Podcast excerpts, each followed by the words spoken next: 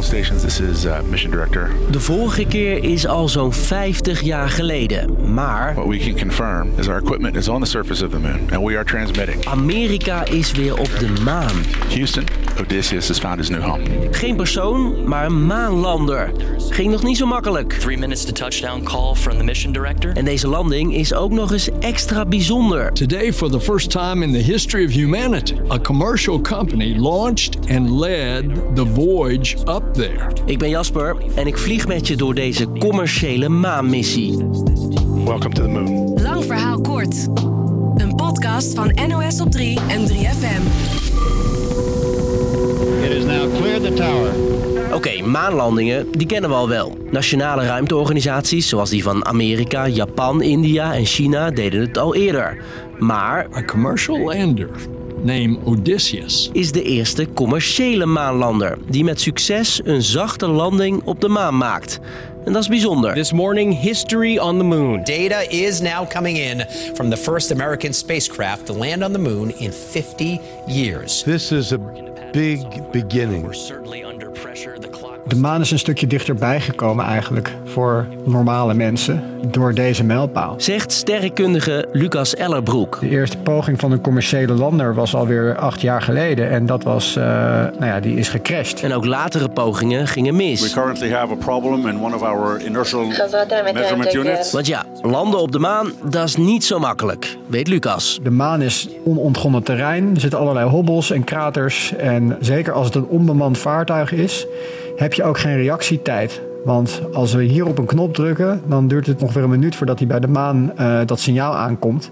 Ja, en dan heb je ook alweer een maansteen in je achterspiegel gekregen. Nu, jaren later, is een commerciële poging dus eindelijk een succes. Houston, Odysseus has found his new home.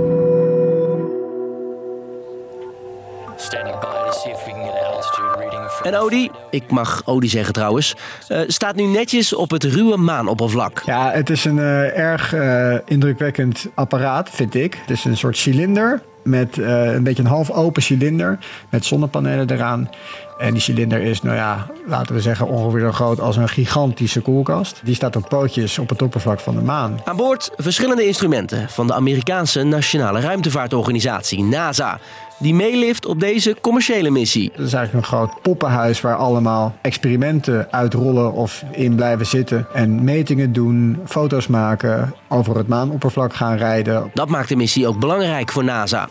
Ze willen de beelden van de landing gebruiken voor toekomstige bemande maanlandingen. Iedere missie, daar leer je weer van voor de toekomst. Odi heeft daar nu ongeveer een week de tijd voor, voordat de zon ondergaat en zijn batterijtje leeg raakt. En opvallend, aan boord zaten ook allerlei kunstwerken. Met een soort doel van, nou ja, als de mensheid ooit niet meer bestaat, dan ligt misschien dit kunstwerk nog wel op de maan. En dan zegt dat ook eens een soort van visitekaartje van dit zijn of dit waren wij. Als ooit een buitenaardse beschaving deze kant op komt en, eh, en die dingen vindt.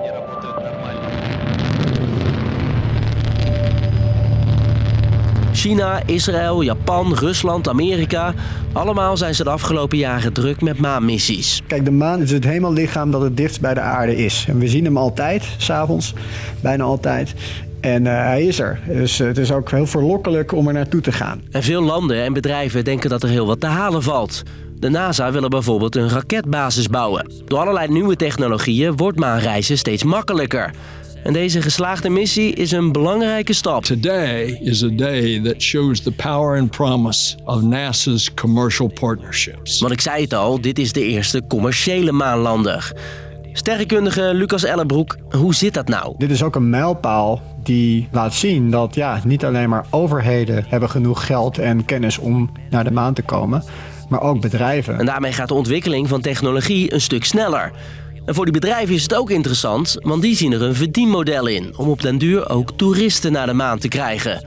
Maar een koffer met je moonboots inpakken, dat is voorlopig nog niet nodig, toch? Het gaat wel echt snel nu. Tien jaar geleden was dit nog niet mogelijk en nu wel. En over tien jaar ja, zal er weer heel veel meer mogelijk zijn. Less than one minute remaining for touchdown. Dus, lang verhaal kort. Een ruimtemijlpaal voor Amerika. Voor het eerst sinds 50 jaar zijn ze weer op de maan. En voor het eerst dankzij een commercieel bedrijf. Dat is goed nieuws voor de NASA, want die wil snel een ruimtebasis bouwen op de maan. En daarvoor is nog veel informatie en ontwikkeling nodig. En nu ook bedrijven daaraan meewerken, is de hoop dat de Amerikaanse ruimtedroom een stuk sneller werkelijkheid wordt. Was hem weer. Wij dromen vooral nog over heel veel podcasts. En de volgende, die is al maandag al, rond 5 uur. En wil je nu nog veel meer lang verhaal kort? Zweef dan als een raket naar het internet voor het NPO Podcast Festival. En misschien zie je ons daar wel op 17 maart in Tivoli Vredenburg. Link vind je in de show notes. Doei! 3FM. Podcast. Altijd alles achter de schermen willen kijken? 3 voor 12 geeft je een backstage bandje. Met de 3FM podcast De Machine. Je hoort alles over festivals, streamingdiensten en briljante nieuwe muziekideeën. Check de podcast De Machine via de gratis NPO Luister app of 3fm.nl slash podcast.